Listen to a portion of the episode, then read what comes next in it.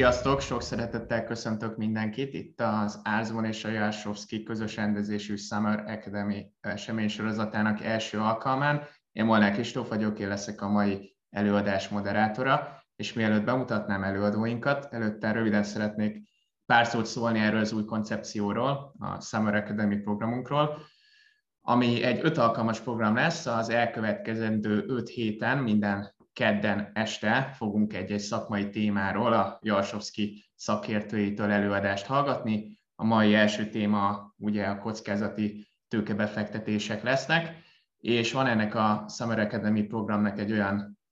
plusz lehetősége, hogy minden egyes előadás témájából lesz majd egy rövid teszt, amit ki fogunk küldeni a, a regisztrálóknak, és aki kitölti ezeket a teszteket, és mind az öt teszten elér, összesít és 70%-os eredményt, az kapni fog majd egy névre szóló oklevelet, illetve egy ingyenes CV fotózás lehetőséget tőlünk a program legvégén. Úgyhogy érdemes lesz figyelni a mai előadás során is az elhangzottakra, mert könnyebb lesz majd így megoldani a teszt kérdéseket is.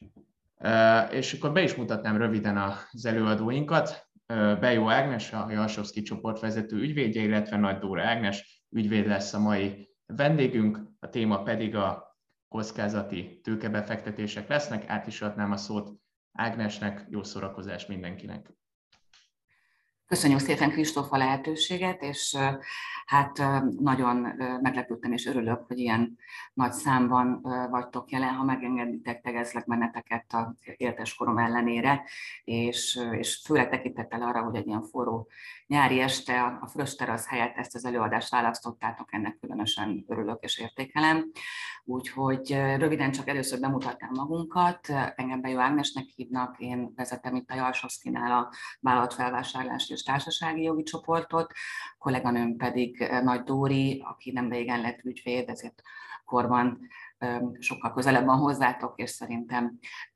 más szemszögből tudja megközelíteni ezt az egész témakört. Az irodánkról annyit, hogy remélem, hogy azért sokan ismeritek, vagy ha nem, akkor legalábbis utána néztetek.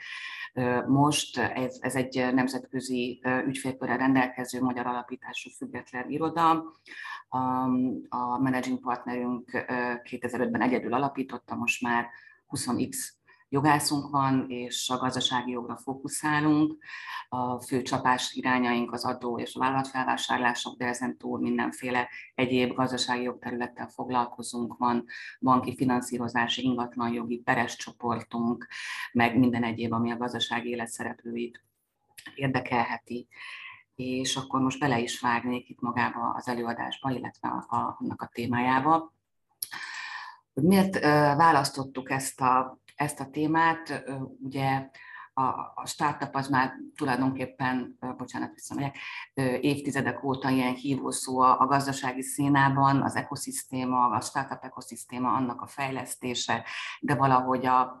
a, én úgy gondolom, vagy úgy emlékszem, de ez Dóri is megerősítette, hogy az egyetemen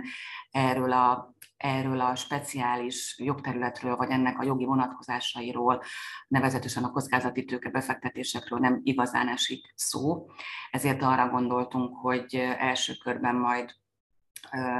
adnánk egy ilyen kis ízelítőt a különböző fogalmakból, ilyen kvázi, amit mindig tudni szerettél volna a kockázati tőkéről, de sosem mertek megkérdezni jelszóval. Aztán, hogy egy kicsit bemelegítsünk, illetve hogy ténylegesen a figyelmeteket fel tudjuk kelteni, egy, egy életből vett példát hozunk majd, egy ügyfelünknek a története, az ő engedélyüket is kértem, hogy ezt megoszthassam veletek, és nagyon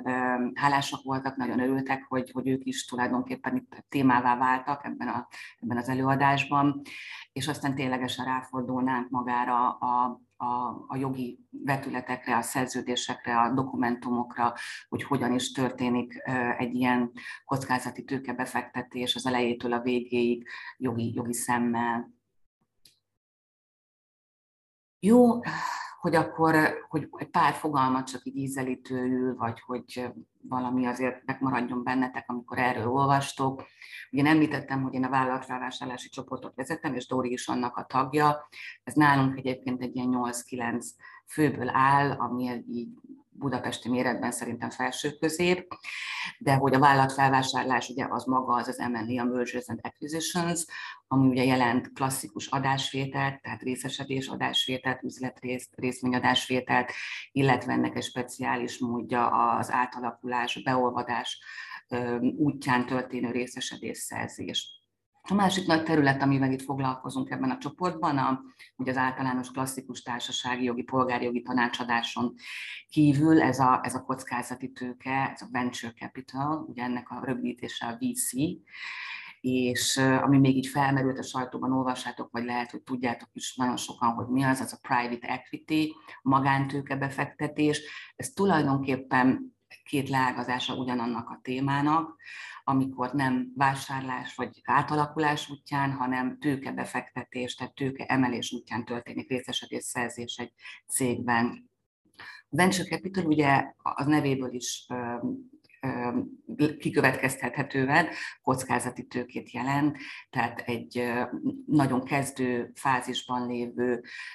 vállalkozásoknak nyújtott kezdeti tőkebefektetés, ami nagyon nagy hozamot remél, éppen azért, mert nagyon nagy a kockázat is, és éppen ezért sokkal szigorú feltételeket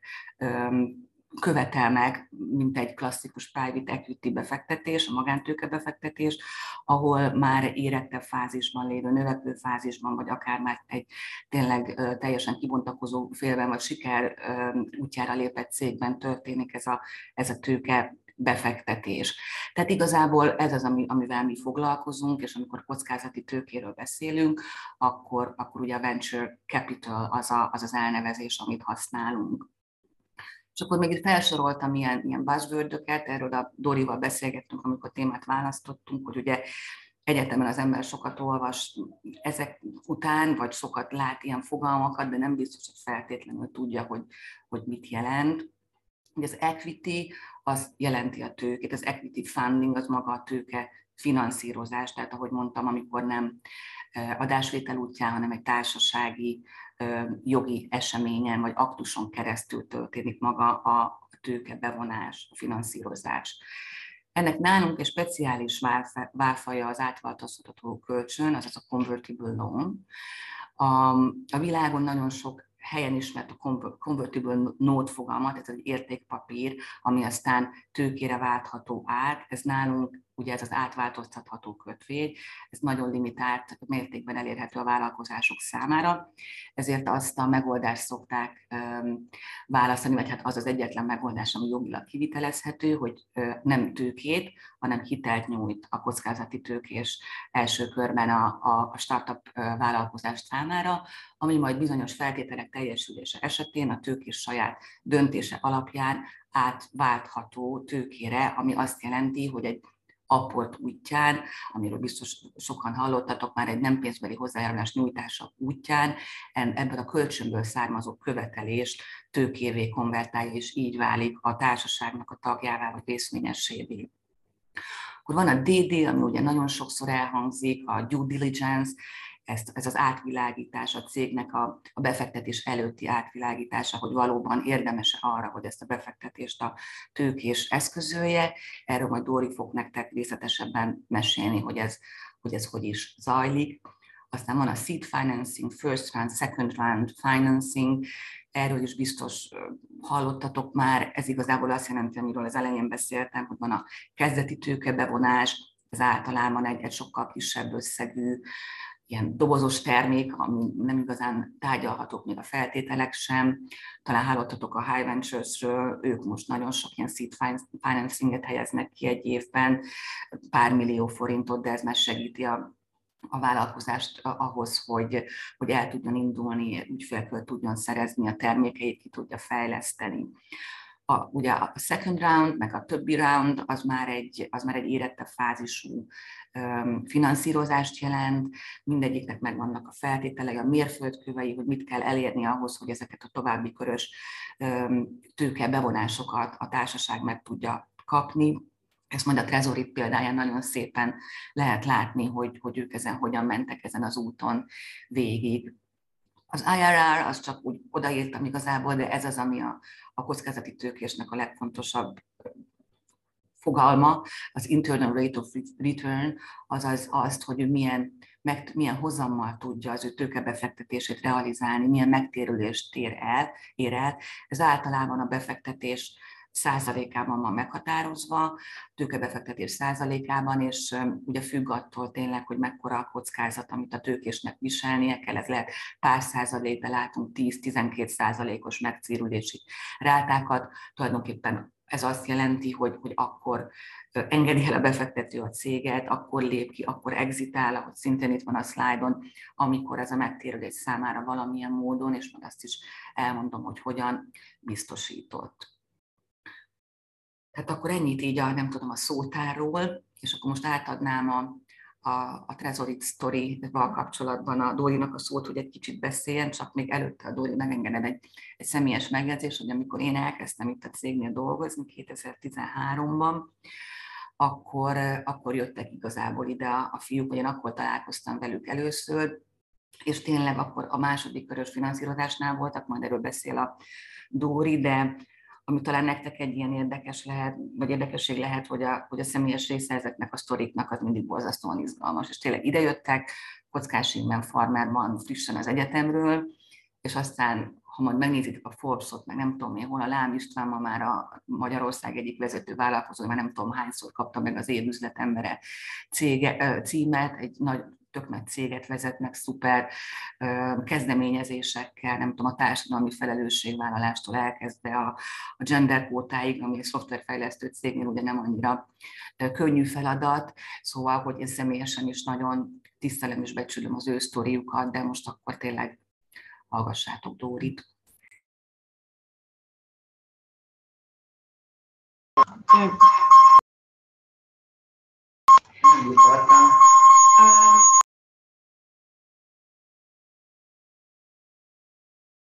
Elnézést, akadt egy kis technikai problémánk.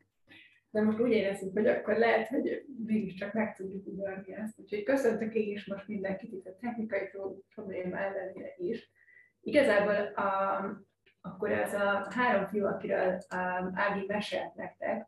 ők létrehoztak egy szuper biztonságos felhő alapú fájmegosztó rendszert, ami igazából azért egyedi és azért kiemelkedő jelentőségű, mert hogy ezáltal azt biztosítja a feleknek, hogy kizárólag a, a feladó és a címzett azok, akik hozzáférhetnek ebbe a rendszerbe feltöltött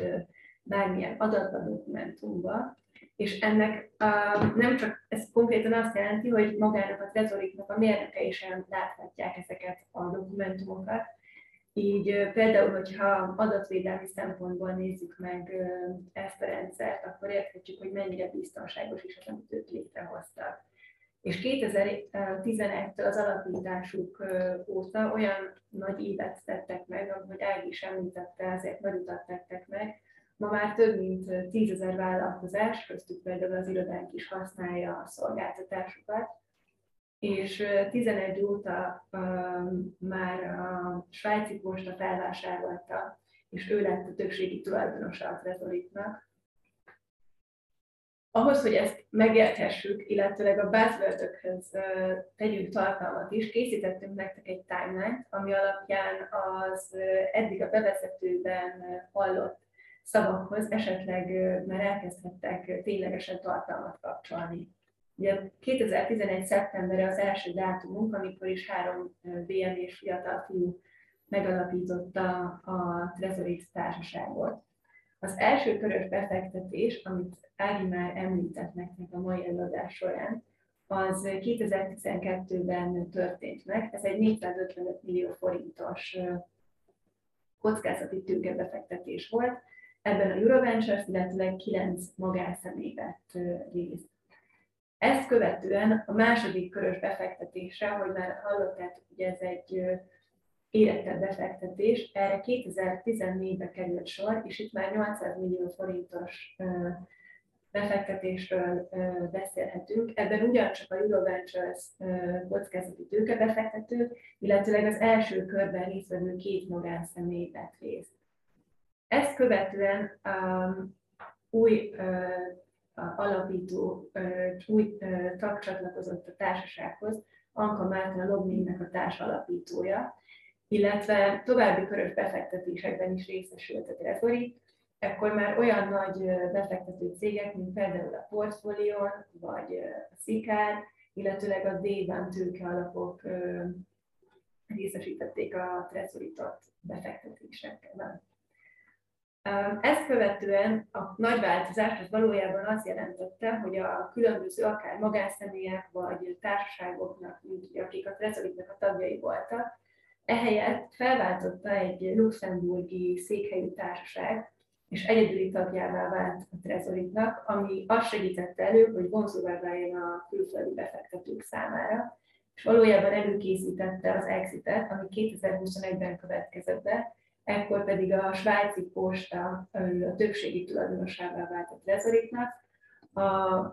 az alapító három tagú továbbra is kisebbségi tulajdonosként jelen van a luxemburgi társaságban. Igen, talán még annyit tennék ehhez hozzá, hogy ugye az, hogy ők, hogy ez lett a többségi tulajdonos, ez nem azt jelentette, hogy egyébként az akkori befektetők kiszálltak, hanem ugye azért, hogy ők majd nem tudom, akár külföldi tőzsdére mehessenek, vagy a külföldi befektetők számára vonzóvá váljanak, ezért egy ilyen svájci holdingot hoztak létre, tehát hogy ne egy magyar KFT-t áruljanak majd értékesítésre, hanem, hanem egy svájci céget, ez ugye a megbízhatóságot is sokkal jobban mutatja. Mondom ezt úgy, hogy egyébként még egy ilyen érdekes adalék, hogy még amikor indultak a fiúk, akkor felajánlották, hogy aki, bárki, aki föl tudja törni az ő rendszerüket, ez egy 50 ezer dolláros jutalommal részesül, ez azóta sem történt meg, és tényleg mi is használjuk, és, és szeretjük egyébként a nagyon könnyen kezelhető rendszer, amit folyamatosan fejlesztenek.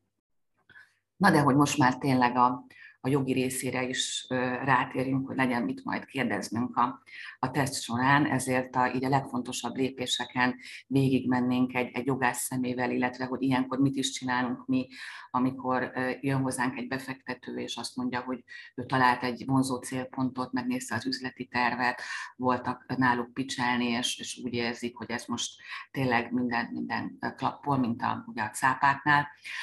akkor ugye lép be a jogász a folyamatba. Ez mindig egy ilyen egy üzleti dokumentummal kezdődik, ez az úgynevezett term sheet, vagy indikatív ajánlat, vagy letter of intent, ami általában nem egy kötelező érvényű ajánlat, de tartalmazza a főbb feltételeket, a főbb üzleti feltételeket. Mi szeretünk, sajnos nem minden ügyfél olyan, hogy ebbe bevon minket, mi szeretünk már az első, első lépésnél ott, ott lenni, mert az a tapasztalatunk, hogy ez minél kidolgozottabb, annál könnyebb majd a nagy tranzakciós dokumentációnak a letárgyalása, és igazából ez nem kötelező erejű, de azért egy indikációt ad a feleknek arról, hogy, hogy, hogy hol vannak az üzleti szándékok, és ez már egy komoly tárgyalási folyamat. Aztán jönnek az átvilágítások, vagy átvilágítás, erről majd a Dóri fog nektek beszélni, hogyha már megvan így az első üzleti üzleti megállapodás, akkor, akkor indul egy komoly átvilágítási folyamat a cégnek a tekintetében. Jön egy nagyon komoly szerződéses tárgyalás, ami, ami ugye mivel itt egy tőkebefektetésről van szó, tehát nem arról van szó, hogy az eladó teljesen kiszáll, az alapító teljesen kiszáll, hanem viszonylag hosszú ideig, ugye egy, egy nagyobb tőkebefektetésnél akár ez 5-10 év is lehet, együtt kell élni a feleknek, ezért nagyon fontosak a szindikátusi feltételek, tehát az, hogy hogyan is élnek együtt ebben a cégben. Maga a szerződéses, szerződésnek az aláírása és a zárása az általában elválik egymástól. A zárás alatt itt azt értem, hogy amikor ténylegesen megtörténik a pénznek a folyósítása, mert különböző feltételeket kell teljesítenie a, a az alapítóknak, vagy a társaságnak ahhoz, hogy, hogy maga a, a forrás is oda kerülhessen a céghez, és ugyan nem a tranzakciós folyamatnak a része, de általában ugye a legszebb lezárása, ami nem mindig következik be, ugye azt szokták mondani, a kockázati tőke esetén a 10-ből 8 befektetés az, ami, ami elvérzik, ahol nem lesz sikeres exit, de az a kettő az meg úgy bejön, mint a nem tudom, ilyen Prezi, Facebook, Google, tehát ugye ezek az unikornisok, ha van sikeres exit, akkor ugye az, az jelenti egy, egy igazi um, hogy mondjam, együttműködésnek a, a, a boldog végét. Jó, a tömsítről még én beszélek nektek, csak röviden, nézem, hogy elég kevés időt kaptunk, próbálunk mindent bepréselni.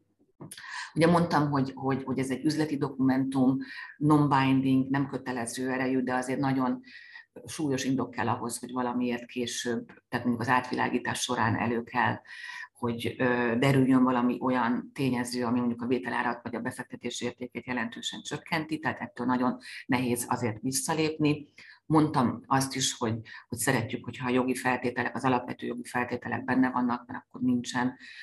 nem tudom, éveken keresztül nekem volt olyan ügyem, ahol, ahol aláírták a tömsítet az alapítók úgy, hogy nem is nézték, hogy mit írnak alá, és utána másfél évig tartott, amíg a befektetési és szindikátusi szerződést letárgyaltuk. Nem jó. Mondtam, hogy nem kötelező erejű, tehát nem minősül se előszerződésnek, se kötelező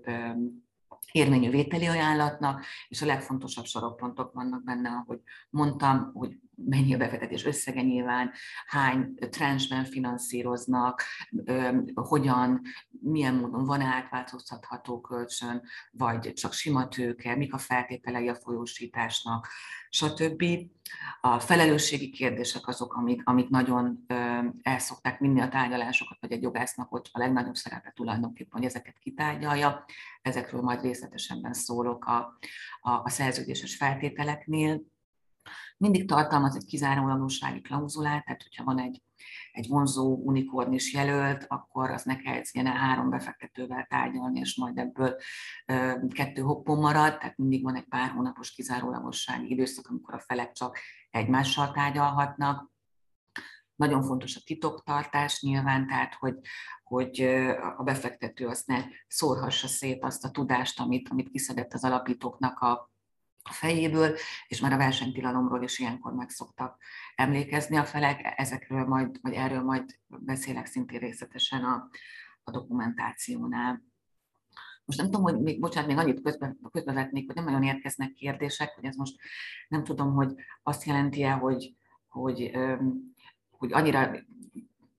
hogy mondjam, érthetően beszélünk, vagy annyira triviális dolgokat mondunk, szóval arra ösztönöznék mindenkit, hogy nyugodtan bombázhatok bennünket kérdésekkel, de addig is átadom akkor Dórinak a szót, aki a átvilágításról fog nektek beszélni. Igen, amennyiben a felek között megszületett egy törzsít, akkor az, azután a jogi átvilágítás illetőleg akár egy pénzügyi átvilágítás is következhet. Szerintem én például gyakornokként is találkoztam már a jogi átvilágítással, de ügyvédjelöltként egészen biztosan, ha ezen a területen helyezkednétek el, akkor találkozni fogtok. Az átvilágításnak alapvetően a a célja az a kockázatoknak a felmérése, és ezek alapján tárgyalási pozíciónak a kialakítása, illetve magában a szerződésekben az itt feltárt különböző kockázatoknak a kezelése. Hogy hogyan néz ki tipikusan egy átvilágítás? Először az átvilágítást végző iroda, ő egy átvilágítási kérdőívet készít, ebben megtalálhatóak azok, hogy az egyes területekre pontosan milyen dokumentumokat várunk, akár azoknak ugye a feltöltését, vagy annak a hiányát. Amikor feltöltésről beszélek, akkor az adatszobára gondolunk. Régen még előfordultak, hogy egy sötét ablaktalan, bezárt szobában voltak az ügyvédek, ahol papír alapú dokumentumokat lapozgattak. Szerencsére ma már különböző felületekben kerülnek az adatok feltöltése, akár például a Resolitnak a, a felhőrendszerébe, ahonnan az átvilágítást végző jogászok ezeket letölthetik és megvizsgálhatják a tartalmukat. Ha megnéztük, hogy pontosan mit töltött fel az ügyfél az adatszobába, utána különböző follow kérdések lehetnek, rákérdezhetünk, hogy vannak-e még esetleg további dokumentumok, vagy értelmezésbeli kérdések lehetnek, és ezeket összevetve pedig egy úgynevezett átvilágítási jelentést készítünk, ami alapvetően lehet vagy egy red flag jelentés, ennek általában örülni szoktunk, ha csak ilyet kell készíteni, mert ez valóban csak azt tartalmazza, amiket ö, identifikáltunk, hogy ezek valóban problémák lehetnek, és különböző megoldási javaslatokat adunk rájuk. Bizonyos esetekben egyre ritkábban előfordulnak leíró jelentések is, ahol alapvetően a társaságnak a, a, az életéről az egyes jogterületek tekintetében adunk egy, egy komplex képet nem csak magukat az azonosított kockázatokat tartalmazza. Az átvilágítás az alapvetően tipikus területekre osztható. Itt a feltöltött dokumentumok között azokat vizsgáljuk, amik valóban problémát jelenthetnek. Például szerződések esetén azt szoktuk megnézni, hogy tartalmaz-e change of control klauzulát, vagy atipikusan hosszú felmondási időt, mondjuk akár fél éves vagy egy éves felmondási időt. A környezetvédelem esetén megvizsgáljuk, hogy például került-e bírság kiszabásra, a hatósági vagy peres eljárásoknál meg rákérdezünk, hogy vannak-e folyamatban lévő eljárások, az engedélyeknél meg kell vizsgálnunk, hogy rendelkeznek egyáltalán azokkal az engedélyekkel, ami a tevékenységük alapján szükséges, ezek érvényesek-e.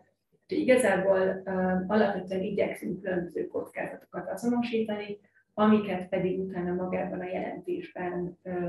megjelölünk. A jelentésnek a célja az az, hogy a, az ügyfél egy képet kapjon arra, hogy valóban a, a céltársaság milyen kockázatokat rejt magában. Lapozza? Igen, igen, ezt megköszönöm. És ezeket alapvetően ügyfélbarát módon szeretjük elkészíteni, hogy minél inkább egyértelmű legyen, és egy hétköznapi érthető nyelven többre megfogalmazzuk a, a problémát, az ahhoz kapcsolódó kockázatot, és erre valamilyen megoldási javaslatot adunk, vagy pedig jelezik, hogy esetleg ez egy üzletileg eldöntendő kérdés. Azt megjegyeznénk, hogy a, a munkánk nem csak annyiban könnyebb, mondjuk a 10-15 évvel ezelőtti jogászokhoz képest, hogy nem egy fizikai szobában ülünk, hanem azért is, mert például a Legal Tech adta lehetőségeket kihasználhatjuk. Például mi használunk egy olyan szoftvert, ami képes az azonos típusú mintaszerződésekből kiszűrni az eltéréseket. Így most a legutóbbi átvilágítás során is nem kellett 300 szerződést egyesével átnéznünk, amik hasonló minta szerint készültek, hanem ezzel a szoftverrel kiszűrtük, hogy mik azok az eltérések, amik problémát jelenthetnek nekünk. Jó, köszi szépen, Dóri, és akkor most ráfordulnánk a magára a tranzakciós szerződésnek a tartalmára, hogy ez mit is jelent, illetve a legfontosabb vagy legérdekesebb rendelkezéseknek a, a, a jogi tárgyalási folyamatára. Ugye mi is maga ez a, ez a tranzakciós szerződés, hogyha ugye egy, egy klasszikus M&A tranzakcióról beszélünk, akkor ugye nyilván az egyén SP vagy QP-nek hívjuk, az maga egy adásvételi szerződés. Ezzel szemben ugye a tőkebefektetéseknél kell két nagy részre osztható az a szerződés, az dokumentum, hogy általában egy szerződést tartalmaz egyébként. Ez a befektetési és szindikátusi szerződés, tehát egyrészt ugye a befektetésnek a folyamatát írja le, másrészt viszont rendelkezik azokról az esetkörökről, ami már az, am, am, akkor lesz fontos, amikor már megvalósult a befektetés, és a feleknek együtt kell élniük, hogy, és hogy ezt az együttélést ezt hogyan szabályozzák a továbbiakban. Beszéltem már arról is, hogy a, hogy a befektetés megvalósításának ugye határ, határidejét leszokták írni, hogy, hogy nyilván nem lehet a végtelenségig húzni, ahogy teljesítik a folyósítási feltételeket, szokott lenni egy ilyen non-stop date, ami utána a, a befektető elsétálhat a befektetésétől, vannak különböző lépcsők, a különböző lépcsőkhöz csatolva különböző mérföldkövek, és akkor, hogyha ez megtörténik, milyen társasági jogi dokumentációt kell aláírni, milyen nyilatkozatokat kell tenni a, a, a, az alapítóknak, hogy ez meg ez meg ez teljesült, hozni kell, nem tudom, köztartozásmentes adatbázisból igazolást, le kell nyilatkozni, hogy nem történt hátrányos változás, van ezer folyosítási feltétel, amit teljesíteni kell, és hogyha ezek megvannak, akkor a, a felek utána összejönnek, és megtörténhet az árás. Mond, ahogy mondtam, ez ugye a legtöbb esetben ez a kettő elválik egymástól, akkor viszont nagyon fontos az, hogy a befektetőnek már legyen valamiféle kontrollja a társaság irányítása felett. Tehát, hogy ne szórhassák a pénzt mondjuk az alapítók, hanem a bizonyos alapvető társasági döntéseket ne hozhassanak meg a befektető jóváhagyása nélkül, tehát ne, ne végelszámolhassák a céget, ne mondhassanak le egy hatalmas peres követelésről, tehát ezek olyan ne vehessenek fel, nem tudom, egy új vezető munkavállalót a társaság bevételének a nem tudom, 50%-a munkabérét, szóval, hogy ezek mind olyan dolgok, amiket fogni akar a befektető, és ezeket már fontos rögzíteni magában a szerződésben is, hogy ne legyen ebből később vita. Csak ugye jó esetben elkövetkezik a, a zárás, ezeknek az zárásinak a mechanizmusát is előre szokták rögzíteni a felek, milyen dokumentumokat kell aláírni, szokott lenni egy zárási jegyzőkönyvekben mindent szépen leírnak, hogy, hogy, hogy, hogy, hogy, hogy, hogy mik is következnek be pontosan, vagy mik is következtek be pontosan, hogy ebből se lehessen később vita. De ugye éppen ilyen fontos a, az alapítóknak a szerepe majd az árás után. Itt ugye említettem már a versenytilalmat, ami azt jelenti, hogy a, nem tudom, a trezoritos fiúk ne sétálhassanak el az árás után, és alapíthassák meg a trezovit kettőt, és foglalkozzanak inkább azzal. Tehát itt nagyon szigorú szankciók, nagyon szigorú ködbérrel szokták azt fogni, hogy, hogy a versenytilalmat mindenki tartsa be, és épp ezért van az úgynevezett lockup is, ami azt jelenti, hogy hogy ne, tehát hogy csak erre a cégre fókuszáljanak, éppen azért, hogy a befektető minél gyorsabban megtérüljön, minél gyorsabban növekedjen a cég, minél nagyobb cégértéket lehessen elérni, ezért az ő idejük meghatározott hányadát, tehát jellemzően 100%-át erre a vállalkozásra kell fordítaniuk. Aztán ami még ugye nagyon fontos, és, és általában egy elég hogy mondjam, komoly béka, amit le kell nyelni az alapítóknak, az, hogy meg vannak határozva az úgynevezett ilyen súlyos szerződésszegési esetek, amiket a, befektető, az egyik ügyfelünk azt mondta, hogy egy atomárzenállal véd, tehát hogy tulajdonképpen igazából ezek ilyen elrettentő szankciók, hogy eszébe se jusson senkinek se súlyos szerződésszegni, és, vagy súlyosan szerződésszegni, ezeknek az esetköröknek is a, a szabályozása mindig nagyon hangsúlyos. Nyilván ugye túl sok eszköze nincsen egy alapítónak magánvagyona, az feltetően még nem nagyon van, ezért ilyen szankciós vételi vagy eladási jogot szoktak kikötni az, az üzletrészekre, illetve van az úgynevezett control flip over, csak hogy még egy ilyen további bázülödöt használja, ami azt jelenti, hogy ha nagyon rosszul megy a szekér, és már úgy látja a befektető, hogy egyre gázabb a helyzet, nem tudja az üzleti tervet hozni az alapító, vagy, vagy csak nagyon-nagyon nagy százalékban eltér tőle, akkor ő hát Kínában nem tud mit más tenni, áttesz, átveszi az irányítást, és valaki próbál találni, aki át tudja venni a, a, a vezetést a mostaniak helyett. Jó, és akkor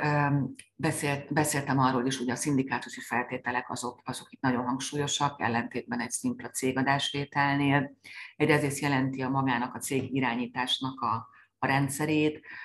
ki irányítja a, a magát a céget, ugye ezt jellemzően meg szokták hagyni az alapítóknál, ők a, a tényleges operatív menedzsment, de hogy mit emelnek mondjuk taggyűlési hatáskörbe, mi ott a döntéshozatali rend, milyen százalékos arányjal kell dönteni, egy kockázati befektető jellemzően kisebbségi részesedést kér, vagy szerez, de ezért viszont cserébe, mivel hogy nagy összeggel száll be a cégbe, ezért az elvárja, hogy bizonyos alapvető döntések azok ne születhessenek meg az ő hozzájárulása nélkül, ezek az úgynevezett fenntartott ügykörök, vagy reserved matters, ahogy az angol hívja, itt azt jelenti, hogy ők meg tudnak vétózni bizonyos döntéseket. És akkor a kettő között terjedt el egy, hát én új PTK-nak hívom, mert, mert nekem ez még mindig új, ti már nem is hallottatok a régiről, de hogy ugye az új PTK behozta ezt a, a diszpozitivitásnak a fogalmát, ami azt jelenti, hogy, hogy nem csak a, a régi GT-nek a, a szűk szabályrendszerében lehet már gondolkodni, hanem, hanem el lehet térni, és teljes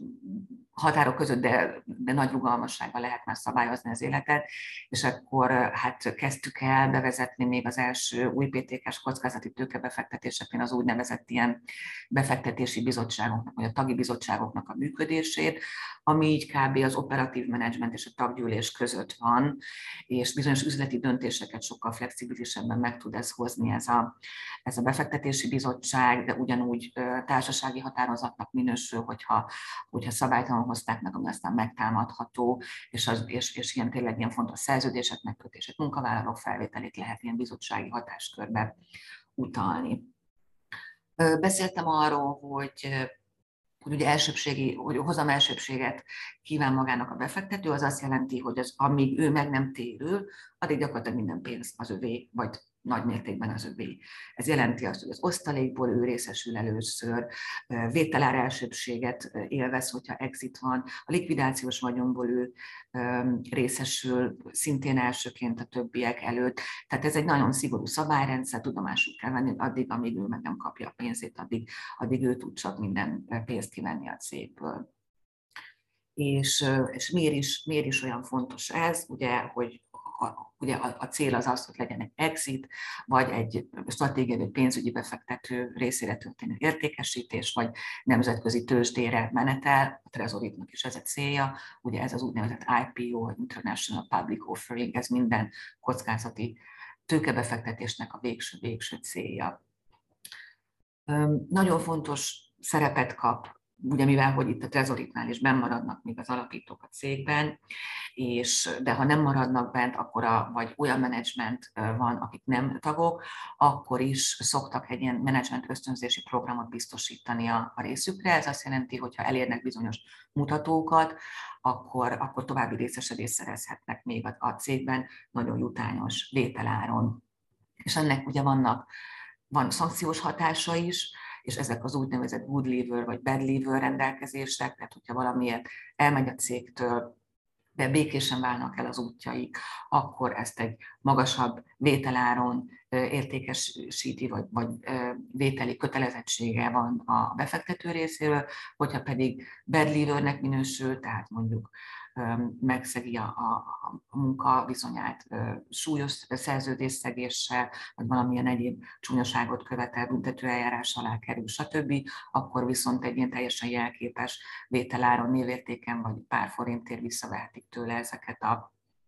ezeket a részesedéseket. És amiről szerintem most nézem, hogy igen, még nem beszéltem, de fontos, de most már tényleg csak egy pár szót szólok erről, hogy amit még fontos így a, a, a szindikátusi feltételek szabályozásakor, az a, az, az maga az értékesítési korlátozások. Tehát gondolok itt, hallottatok biztos elővásárlási jogról, ami viszont nem feltétlenül hogy mondjam, vonzó egy későbbi befektető számára, de szokott lenni ilyen úgynevezett ilyen dregelong, meg tegelong jog kikötve ezekben a szerződésekben, tehát hogyha befektető értékesíti a részesedését, akkor azonos feltételekkel csatlakozhat hozzá az alapító, vagy hogyha, bocsánat, ez a tegelong, vagy a dregelong, hogy azért, hogy nagyobb vételárat érjen el, a befektető az itt kvázi magában vonszolhatja az alapítókat egy későbbi értékesítés esetén. Az exitről meg most már csak nagyon, nagyon röviden, ugye, hogy miért is van az, hogy most a, ugye láttuk, hogy a, hogy a befektetőnek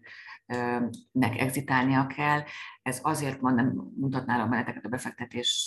a szabályozási részletekkel, de minden alapnak, minden befektetés alapnak van egy, egy végső kifutása, ezek 5-10 évre jönnek létre, és utána végre kell őket, hogy a, a befektetési alapnak a tulajdonosai az ő saját részesedésüket meg tudják téríteni. Ezért, ezért kell minél gyorsabban elérni a befektetőknek a, a, az exitet. Ugye a Trezoritnál is láttátok, hogy az alapítók jövőbeli szerepe ezzel még nem szűnik meg, ezért továbbra is fontos a, itt a, a részvény üzleti adásvételi szerződésben, amit az exit során írnak alá, az, hogy az ő versenytilalmuk az továbbra is megmaradjon. Ugye itt is maradtak még a fiúk, és segítik a, a, a, az átállást, meg a magyar, vagy a svájci postának a, a, ugye a, a biznisznek a megértését és abban való jobb belevonódását. Sokszor van úgynevezett ilyen burnout, hogyha az alapítók exitjéről beszélünk, ami azt jelenti, hogy későbbi teljesítménymutatókhoz kötött későbbi vételár fizetési részletesnek a, a részleteknek a realizálása,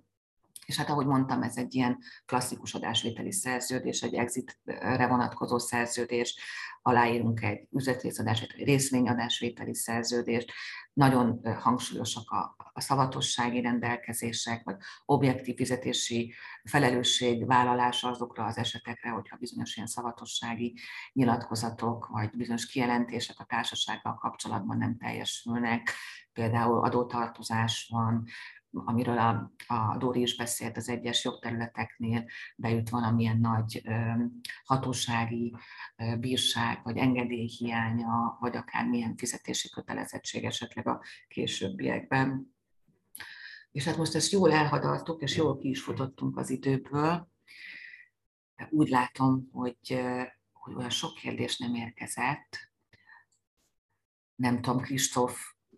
benned van-e még valami, vagy, vagy akkor elfordulhatunk a kérdésekre? Igen, szerintem fordulunk rá a kérdésekre. Egyelőre három kérdés érkezett. Ebből az első az azzal kapcsolatos, hogy milyen MND témájuk könyvet, tanulmányt, jogesetgyűjteményt tudnátok ajánlani.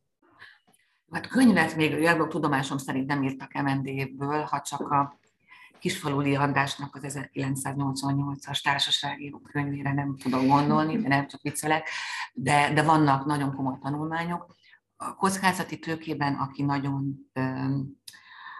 a kockázati tőke jogi doányenje, hogy így mondjam, dr. Kalsa Juditnak hívják, úgyhogy ő írt könyveket, meg rengeteg tanulmánya van fönt a neten, ugyanúgy, hogyha van egy HVCA nevezetű egyesület, ez a Hungarian Venture Capital Association, mint a jogi bizottságban benne vagyok, hogyha ott fölmentek a honlapra, ott is vannak ilyen, hát ilyen mindenféle szintű tanulmányok van, ilyen nem tudom, tömsít kisokostól elkezdve, tehát tényleg startupoknak, ilyen nagyon alapoktól elkezdve egész komoly jogi fejtegetésig, és ami a, ami a bírósági eset tanulmányokat illeti, vagy az eseteket illeti, ott, ott össze kell gyűjtögetni, tehát ilyen külön gyűjteményről én nem tudok, de ugye amikor én kezdtem ezt a pályát már jó régen, akkor jöttek be ezek az angol száz típusú tranzakciók. Tehát akkor még bíróságok nem nagyon hallottak arról, hogy mi az, hogy reps and warranties, meg szavatosság, hogy ez mit jelent. Ugye egy társaság az nem, az nem egy tárgy, az nem olyan, mint egy asztal, hogy kellékszavatosság van, hanem vagy az enyém az üzletrész, vagy nem az enyém. Tehát, hogy ezt nehezen bírták feldolgozni, de azóta már nagyon komoly bírósági határozati irodalma van ennek a témának is, a szavatossági felelősségnek, az indemnity jellegű felelősségnek, sok mindennel nem értek egyet, és ugyanígy ugye, amikor a, amikor ugye azt kezdtük el feszegetni mi is itt irodán belül, most ugye szindikátusi feltételekre gondolok, hogy mitől lehet eltérni, mitől nem. A BTK-ban ennek is nagyon komoly tanulmánygyűjteménye van az interneten, úgyhogy úgyhogy tényleg bátorítok mindenkit, hogy keressen rá. Most így, tehát magyar nyelvű ilyen MND könyvet én nem tudok nektek mondani, de, de ezeket a forrásokat tudjátok használni, amiket így, így mondtam. Közben elkezdtek záporozni a kérdések, úgyhogy én a, minden hallgatót hogy arra biztatnék, hogy a Q&A funkcióba tegye fel a kérdéseit, és akkor lépnek is tovább a következőt. Ketten is érdeklődnek erről, hogy mennyivel másabb állami alapokkal dolgozni, mint magánbefektetőkkel, és ez kapcsolódik a másik kérdés, hogy a hazai startup szférában mennyire gyakoriak a magánbefektetők, mert ugye a High Ventures-t említettétek, de ugye ők állami pénzből fektetnek be. Nagyon jól csináltad, Kristóf, hogy ezt a kettőt így összemondtad, mert a kettő valami, valamennyire összefügg. Tehát az, hogy privát befektetők, állami befektetők, amikor bejött a Ventures, mi is nagyon sokat dolgoztunk nekik korábban egyébként, akkor nem tudom, a Hoszkó Péterrel majd olvastok cikkeket, ő egy ilyen nagy kritikusa volt,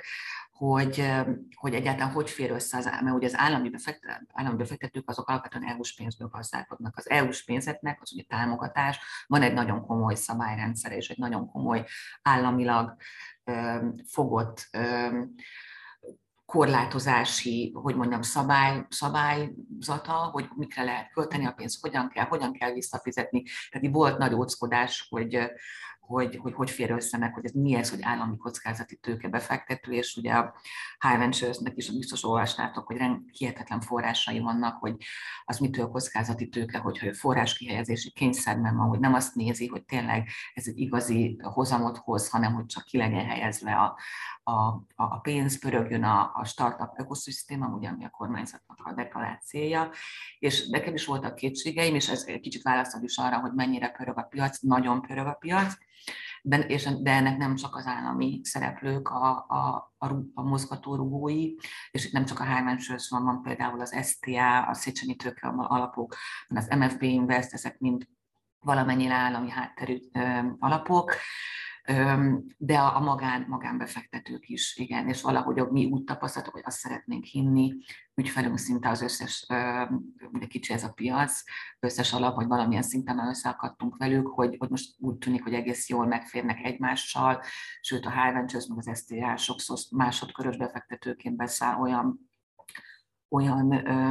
befektetések mellé, ahol már van egy magántőke befektető, de ugye, ahogy ennek mikor lesz vége, vagy még egyébként nem látszik, az, az igaz, hogy nálunk legalábbis már, hogy elnézéseteket kérem, hogy ugye most már sok az eszkimó jelenség, az egyre kezd begyűrűzni, és ezért a magyar alapok is egyre inkább regionális szinten kezdenek el gondolkodni. Igen, erre egy kérdésre akkor most választ is kaptunk közben, hogy mennyire pörög a magyar uh, startup Következő kérdés, melyek azok a problémák, amelyek a leggyakrabban felmerülnek egy átvilágítás során, és milyen megoldási javaslatok azok, amelyek képesek ezen problémákat orvosolni? Jó, most addig én iszom egy kis vizet, és akkor átadom Dorinak a szót. Jó, mert ő biztos igen, igazából lehet, hogy nem is ennyire egyszerűen tudunk arra válaszolni, hogy mi az, ami nagyon gyakran felmerül, de, de nagyjából azok mentén, a példák mentén, amiket említettünk, um, ott merülhetnek fel nagyon nagy hasonló jelleggel. Tehát például, hogyha felfedezünk mondjuk egy change of control klauzulát, akkor tipikusan ez azt jelenti, hogy vagy mondjuk egy finanszírozó banknak például a hozzájárulások kell mondjuk egy tulajdonos változáshoz, hogy akkor ebben az esetben um, um, hozzájárulást kell beszereznünk, amely zárási feltétel lesz. Tehát ezt nagyon általánosságban el tudjuk mondani, hogy sokszor ezek az, ide, ezek az azonosított kockázatok valójában zárási feltételekként jelenhetnek uh, meg a szerződésekben, um, ami egy tipikus megoldás lehet. A másik, hogyha például ilyen szerződéses um, problematikát állapítunk meg, hogy valamely szerződéses rendelkezéseket úgy ítélünk meg, hogy ellentétesek a jogszabályokkal, akkor ott mondjuk egy zárási feltételként maga egy új egységes szerkezetű szerződés, vagy egy módosított szerződésnek a, az elfogadása lehet például egy, egy zárási feltétel. Um, de, de hogyha mondjuk azt azonosítjuk, hogy, hogy nem talán uh, engedélyt adott tevékenységre, ami ami mondjuk engedélyhez kötött, akkor ott kérhetjük az engedélynek a, a beküldését. Tehát alapvetően lehet vagy a, akár dokumentumoknak a beküldése, akár különböző tudomásfóvételek, hozzájárulásoknak a beszerzése, illetve maga a szerződéses anyagoknak a, az elfogadása vagy módosítása. Úgyhogy nagyjából ezek, de nyilván um, ezek ügyfélfüggők és társaságfüggők, úgyhogy azért az élet mindig hozhat egyedi eseteket, és általában hoz is. Igen, még, bocsánat, még annyit tennék hozzá, hogy ugye nem minden problémát lehet orvosolni, és akkor erre van ott az, az, az úgynevezett indemnity jellegű felelősség, amiről beszéltem, tehát hogyha van egy ténylegesen, számszerűen azonosítható, ténylegesen fenyegető kockázat, mondjuk nem tudom, van egy adóbírság, amit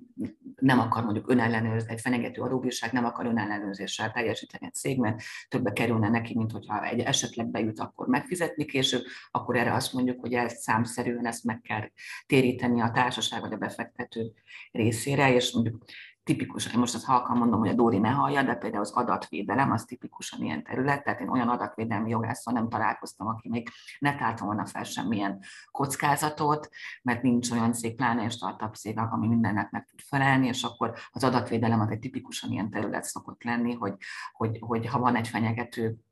adatvédelmi bírság, akkor ezt bevállalja a cég, hogy jó, ha jön a NAI, akkor azt majd kifizetem. Köszönjük. Következő kérdés. Levende kérdezi, hogy a klasszikus jogi átvilágítás az összes említett területet kell, hogy érintse, vagy ez nem kritérium, és mi, mi határozza meg azt, hogy melyiket kell átvilágítani? Hát ezt megengeded, akkor, akkor megválaszolom. Jó, még bocsánat, itt volt még egy kérdés, hogy nem tudom, azt már megválaszoltuk, vagy arra választ kapott Mátyás, hogy mennyivel másabb állami alapokkal dolgozni, mint Baván befektető. Ja, jó, jó, mert igazából csak azt, azt mondanám, hogy személy szerint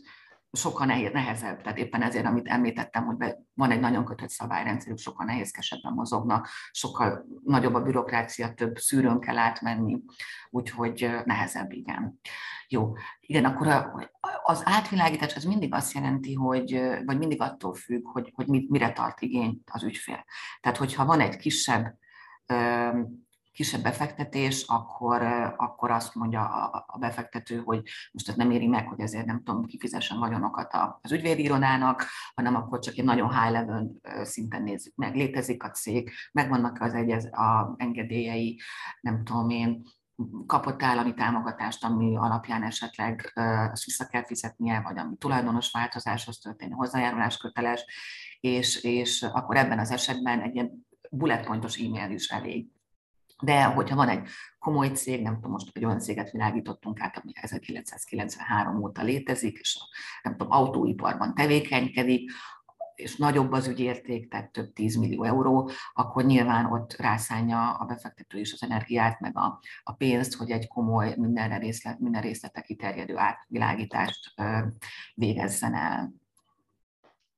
Köszönjük. Következő, ez egy rövid kérdés, a Mergers and Acquisition fogalmát meg tudnátok ismételni?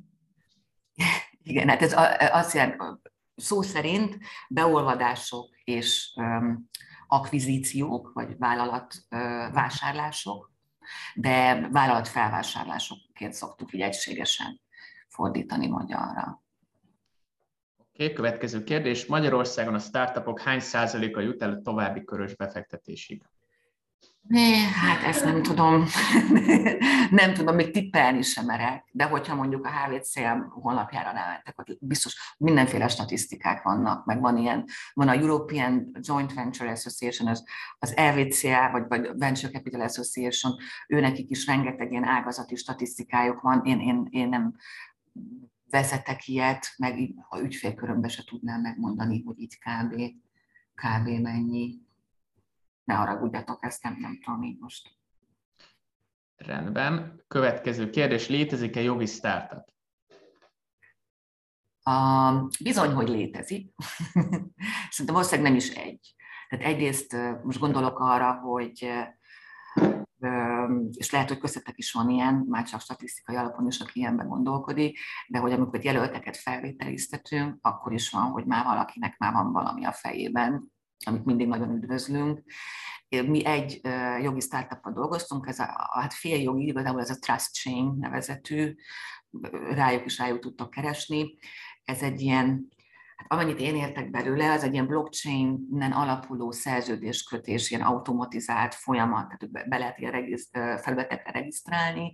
és akkor, akkor akkor azon keresztül lehet szerződéseket kötni, anélkül, hogy akár minősített elektronikus aláírást kellene használni, hanem egyszer beregisztrálsz, és akkor tudsz szerződéseket kötögetni egymással. Ő, az ő befektetésükben részt vettünk,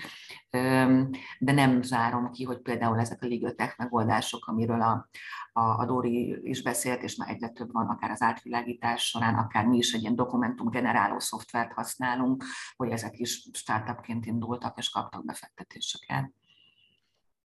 Mátyásnak újabb kérdése van. Magyarország mennyiben speciális a befektetések szempontjából? Itt arra gondol, hogy a KFT-t például nem ismerik külföldön, mik a hazai tranzakciós munkának a specialitásai? Ö, igen, ez, ez érdekes, és ugye erről a Trezoritnál is ez előjött, meg, meg, meg több esetben előjön, hogy, hogy annyiban speciális Magyarország, hogy, hogy nem is az, hogy KFT, mert mondjuk van GmbH, meg van LTD, meg tehát nem maga a társasági forma, hanem ugye a, hogy mondjam, a magyar piacnak a, a kicsi volta, meg egyáltalán az országkockázati besorolásunk, meg, meg úgy, úgy általában a, a jogi környezetnek a, a, a gyorsan változósága, ez nem feltétlenül külföldi befektetők számára vonzó, de nem, de látunk olyat, tehát nekünk is volt egy csomó olyan befektetésünk, a külföldi magyar KFT-be fektetett be közvetlenül, hanem e, erre vannak az a megoldások, hogy akkor létrehoznak egy eszát, egy leányvállalatot, a, lehet, hogy hallottatok már a, a Polyloop megoldásról, ez egy ilyen nagyon ilyen szexi, nagyon zöld környezetvédő startup, a, kaptak befektetést a Vespucci-tól és meg a Techstars-tól, és most továbbra is szeretnének még tőkét van ők is az ügyfeleink, és ők például egy amerikai lányvállalatot hoztak létre, mert hogyha további ha nagy amerikai befektetőket szeretnének megcélozni, akkor nekik valóban nem lesz opció, hogy magyar Kft. ahhoz kell egy fölmutatni egy amerikai jelenlétet. Köszönjük. Milyen felelőssége van a jogásznak az átvilágítás során nem azonosított kockázatok után? Hát, ez nagyon jó kérdés. Ugye erre van a felelősségbiztosítás. Van felelőssége természetesen, tehát amit leírunk egy riportban, és, és nincs, nincs úgy, azért, és ebből az ügyfelet kár éri, azért nekünk helyet kell állnunk. Nekem hál' Istennek nem volt ilyen a, a, a 20 éves praxisom során, hogy vagy hallottam volna olyanról, hogy jogász ellen a kártérítési igényel mentek volna. És az, hogy mit kell észrevenni, meg mit nem, az is jó kérdés, mert ugye nyilván, ami az apró betűben el van rejtve egy ASF-ben, azt nem feltétlenül jogos, és akkor ott lehet azon vitatkozni, ami viszont ordít, az, az azért, az, az igen, az elvárható egy jogászról, és azért hely, helyt is kell állni. Egy érdekes esetet, hogy mondjak el egyébként, ez, ez tavaly történt, hogy egy vevő részére, egy multinacionális vevő részére eljártunk, csináltunk át, világre szépen eladtuk a riportot, és az eladó oldalnak volt egy tanácsadója, aki végigvitte a tranzakciós folyamatot, lezártuk a délt, minden ment tovább, és aztán egyszer csak előállt egy másik pénzügyi tanácsadó, a társaság ellen indított választott bírósági eljárást, hogy viszony, bizony nekik volt egy kizárólagosság megbízási szerződése a céggel, arra, hogy a céget értékesítse, és neki akkor is jár az ő sikerdíja, hogyha egyébként nem rajta keresztül értékesítik a céget. És akkor azért kaptam egy kisebb szívrohamot, tehát hogyha ez, ez a szerződés az ott lett volna az adatszobában, akkor, akkor bizony ezt a kárt, ezt nekünk, ezt ezért, vagy legalábbis egy részét meg kellett téríteni, hiszen mi nem vettük észre, hogy by the van egy ilyen kizárólagosság megállapodás, hál' Istennek nem volt fönn, tehát nem kellett volna észrevennünk, de, de, de igen, előállhatnak felelősségi esetek, hál' Istennek nagyon ritka szerintem, hogy én még nem találkoztam vele. Anna kérdezi, hogy szerintetek mennyire érdemes ma Magyarországon startup céget alapítani, és a jó alap, alapötleten kívül mire érdemes még figyelni, mi vezetett ahhoz, hogy valaki sikeresen működjön? Jó. Tehát én csak azt tudom elmondani, amit a kockázati tőkések nekem mondanak, tehát nem jogász szemmel, szigorúan nem jogász szemmel, azt nem vagy jogász szemmel is mondom persze.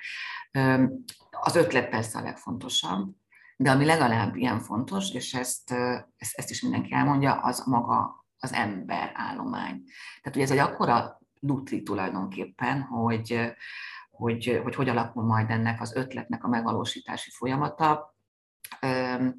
hogy, hogy tehát az nagyon fontos a, a személyes benyomás, és az, hogy a befektetőnek ugye hosszú évekig együtt kell majd dolgozni ezzel a csapattal, ezért vannak ezek a pitchek, hál' Istennek sokon észlettem már én is,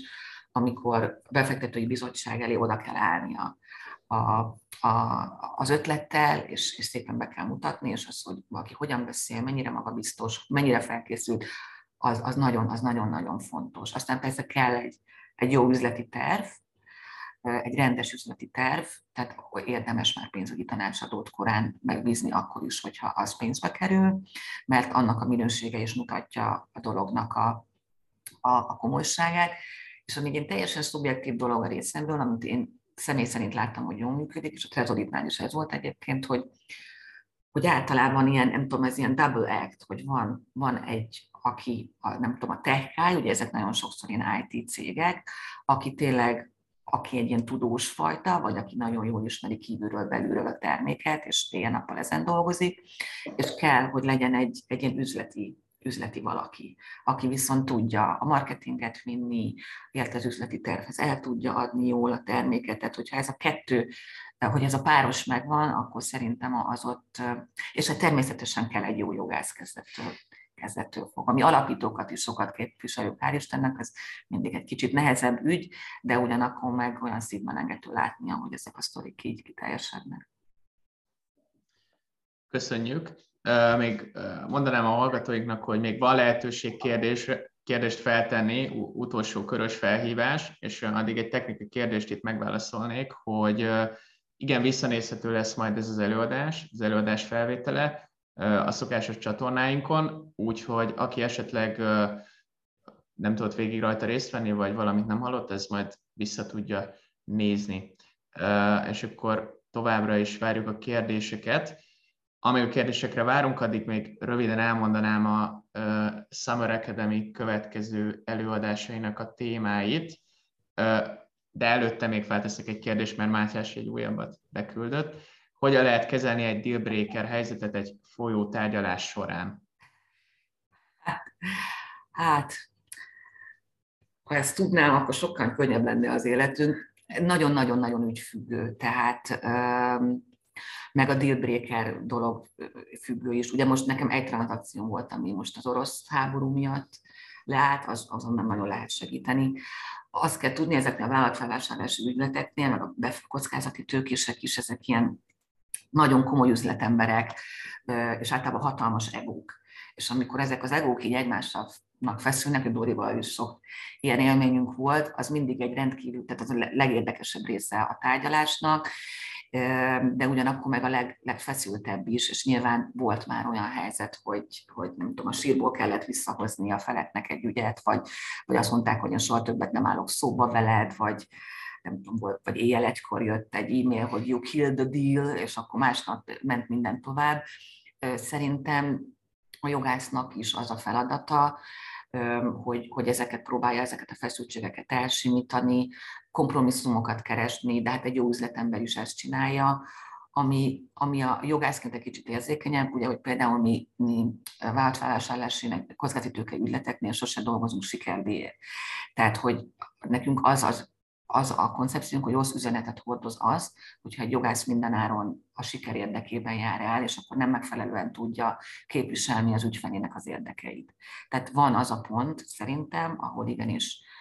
dealbreaker szituáció van, de az ügyfélnek már olyan kompromisszumokat kell kötni, amit se jogászként, de sem üzletileg nem tartasz indokoltnak, akkor azt a dílt el kell, el kell engedni. Az, az ugye ott hiányozni fog a kielégültség érzés, de valószínűleg ez a pláne egy, egy, egy olyan befektetés esetén, ahol hosszú évekig együtt kell működni, hogyha ott nagyon nem működik a kémia, és egymásnak rohanások vannak, akkor azt nem érdemes ezt a kapcsolatot később fenntartani. Továbbra is érkeznek a kérdések. Anna kérdezi, hogy Flipover esetén, ha befektő talál egy új vezetőt, aki az üzleti terv megvalósításában közreműködik, az előző alapító milyen módon kerül ki a folyamatból? Hát leváltják. Leváltják, és akkor ugye, tehát ez általában elsőbségi jogon keresztül biztosított. Tehát ugye a PTK ismeri részvényeknél is, de ugye üzletészeknél is nincsen akadály, olyan elsőbségi csatoljuk hozzá, jogot, hogy e, akár egy egyoldalú nyilatkozattal, tehát taggyűlési vagy közgyűlési döntés nélkül én, mint befektető visszahívhatom a, a vezetőtisztségviselőt, és kinevezhetek valaki mást a helyére hogy hogy kerül innen az alapító, ez a, ugye a bizalomvesztéstől függ. Mondom ezt úgy, hogy nem nagyon ritkán találkozom ilyen szituációval, tehát általában ezt békés úton akkor valahogy rendezik, hogy vagy teljesen megválnak az illetőtől, vagy nem tudom, lefokozzák, vagy ott hagyják még a, a céget tanácsadói szinten segíteni de ez egyszerűen, az, de, ez, de ez mondom, ez egy nagyon komoly szankció, tehát ugye, ahogy mondtam, a befektető az emberekbe is befektet, vagy főleg azokba, és, és nem feltétlenül van abban a helyzetben, hogy tudjon hozni egy ugyanolyan kvalitású, vagy ugyanolyan tapasztalattal az adott szektorban rendelkező valakit hozni az illető, illető helyére. Mátyás újabb kérdése, mennyire non-stop a tranzakciós munka, a hajnali egy órás e gondolva? Jó, hát erről is nem tudom, erről egy külön előadást szerintem tarthatnánk a, a Dórival, de majd megkérdezem az ő véleményét is. Tehát amikor, amikor én kezdtem ezt a pályát, nem mondom, hogy mikor, én az NMN megint elkezdtem, az egy ilyen a Magic Circle nemzetközi iroda, és akkor nem tudom, néha hogy emlegetem itt a, a fiataloknak, amikor a, nem, privatizációkat csináltuk, és akkor, hogy amikor én az Elene Noverinél napi 17 órát számláztam, és tehát, hogy azok azok az idők voltak, csak hogy néznek rá milyen furcsán, hogy hát, hogy ezt, ezt miért csináltad te, hogy mi okod volt rá. Szóval azok az idők már elmúltak, én úgy gondolom, és, és nem is elvárható már a fiataloktól sem, hogy, hogy ilyen feszített munkatempóban dolgozzanak. Ugyanakkor viszont ezt nem lehet letagadni, hogy a tranzakciós munkával igenis vannak feszítettebb időszakok, igenis van olyan, hogy el kell e-mailekre válaszolni, meg hogy hétvégén akár draftolni kell, de, de szerintem ez nálunk a nemzetközi irodákhoz képest még kevesebb, de, de úgy általában sincs sok ilyen, de most inkább Dóri szerintem hitelesebben tud válaszolni, bár itt vagyok mellette, de akkor is. Igen, nem tudok nyilatkozni a régi időkről, akkor nem dolgoztam, de hogy azt alapvetően én is érzem, hogy, hogy valóban egy ilyen kiegyensúlyozottabb a, a munka és a magánélet viszonya egy általánosságban szerintem a, a mi generációnkban. A tranzakciók az pedig szerintem mint egy alapvetően projekt alapú bármilyen tevékenység, nyilvánvalóan vannak olyan időszakai, amikor jóval feszítettebb a tempó, és van olyan, amikor pedig nem annyira igényli a, a, a sok munkaidőt, és akkor egy-egy ilyen könnyebb periódus követi. Úgyhogy igazából szerintem egyrészt tranzakciófüggő is, meg, meg az adott ügyfél igényeihez. Tehát nekünk is volt olyan, amikor igen, feszítettebben kellett reagálnunk, és jóval rövidebb határidőkkel dolgoztunk, de van olyan is, amikor ez, ez igazából elviselhető, és akkor nem kell ilyen hirtelen napról a másikra nagyobb dokumentációkat és aztán, és aztán van ugye az ideális eset, amikor az ügyfél teljesen reális elvárásokat támaszt, elég időt, tehát nem várja el, hogy éjjel-nappal rendelkezésre álljon, és szépen csordogál a tranzakció, hogy pár hónap után lezárul. Sajnos ez a, ez a legritkább, de is. Köszönöm szépen a választ. Szerintem minden kérdésnek a végére értünk, úgyhogy még mielőtt lezárjuk az előadást, most tényleg szeretném elmondani a következő előadásunk témáit. Eh, ahogy az előadás elején is eh, említettem, a Summer academy még négy alkalma lesz, a következő négy kedden. A következő az július 5-én 6 órától lesz, a téma pedig a finanszírozási gyors talpaló kezdő bankjogászoknak eh, címmel fog futni az előadás, úgyhogy akit a Banking and Finance területe érdekel, az mindenképpen csatlakozzon majd hozzánk és az, az utána következő héten pedig az adótanácsadás ügyvédként tematika lesz a, a fókuszban. Majd július 19-én jönnek a peres ügyek, peres jogi munka, és a záró eseményünk pedig 26-án lesz, amikor a legal tech megoldásoknak az alkalmazhatóságát fogják majd vizsgálni, többek között Jarsovszki Pál az irodának a vezetője. És ahogy említettem a legelején, lesz ennek az előadásnak majd egy rövid tesztje, amit hogyha kitöltötök, és az összes többi előadás tesztjével együtt visszakülditek, akkor egy elismerő oklevelet, illetve egy ingyenes CV fotózást nyerhettek majd. E-mailbe fogjátok megkapni a, ennek a tesztnek az elérhetőségét, és ugyanott fogjuk nektek elküldeni majd az előadásnak a felvételét is, amit vissza tudtok majd nézni. Úgyhogy még egyszer nagyon szépen köszönöm előadóinknak, hogy itt voltak ma velünk, és megosztották a tudásukat ebbe a rendkívül érdekes témába, Bejó Ágnesnek és Nagy Dúra Ágnesnek, illetve szeretném megköszönni a hallgatóinknak, hogy velünk tartottak a mai kedd estén, és találkozunk jövő héten kedden. Mi is, mi is nagyon szépen köszönjük a lehetőséget, meg az aktivitást. Mátyásnak külön köszönjük a kérdéseket és akkor találkozhattok kollégáinkkal legközelebb. Köszönjük, sziasztok! Köszönjük, sziasztok! sziasztok.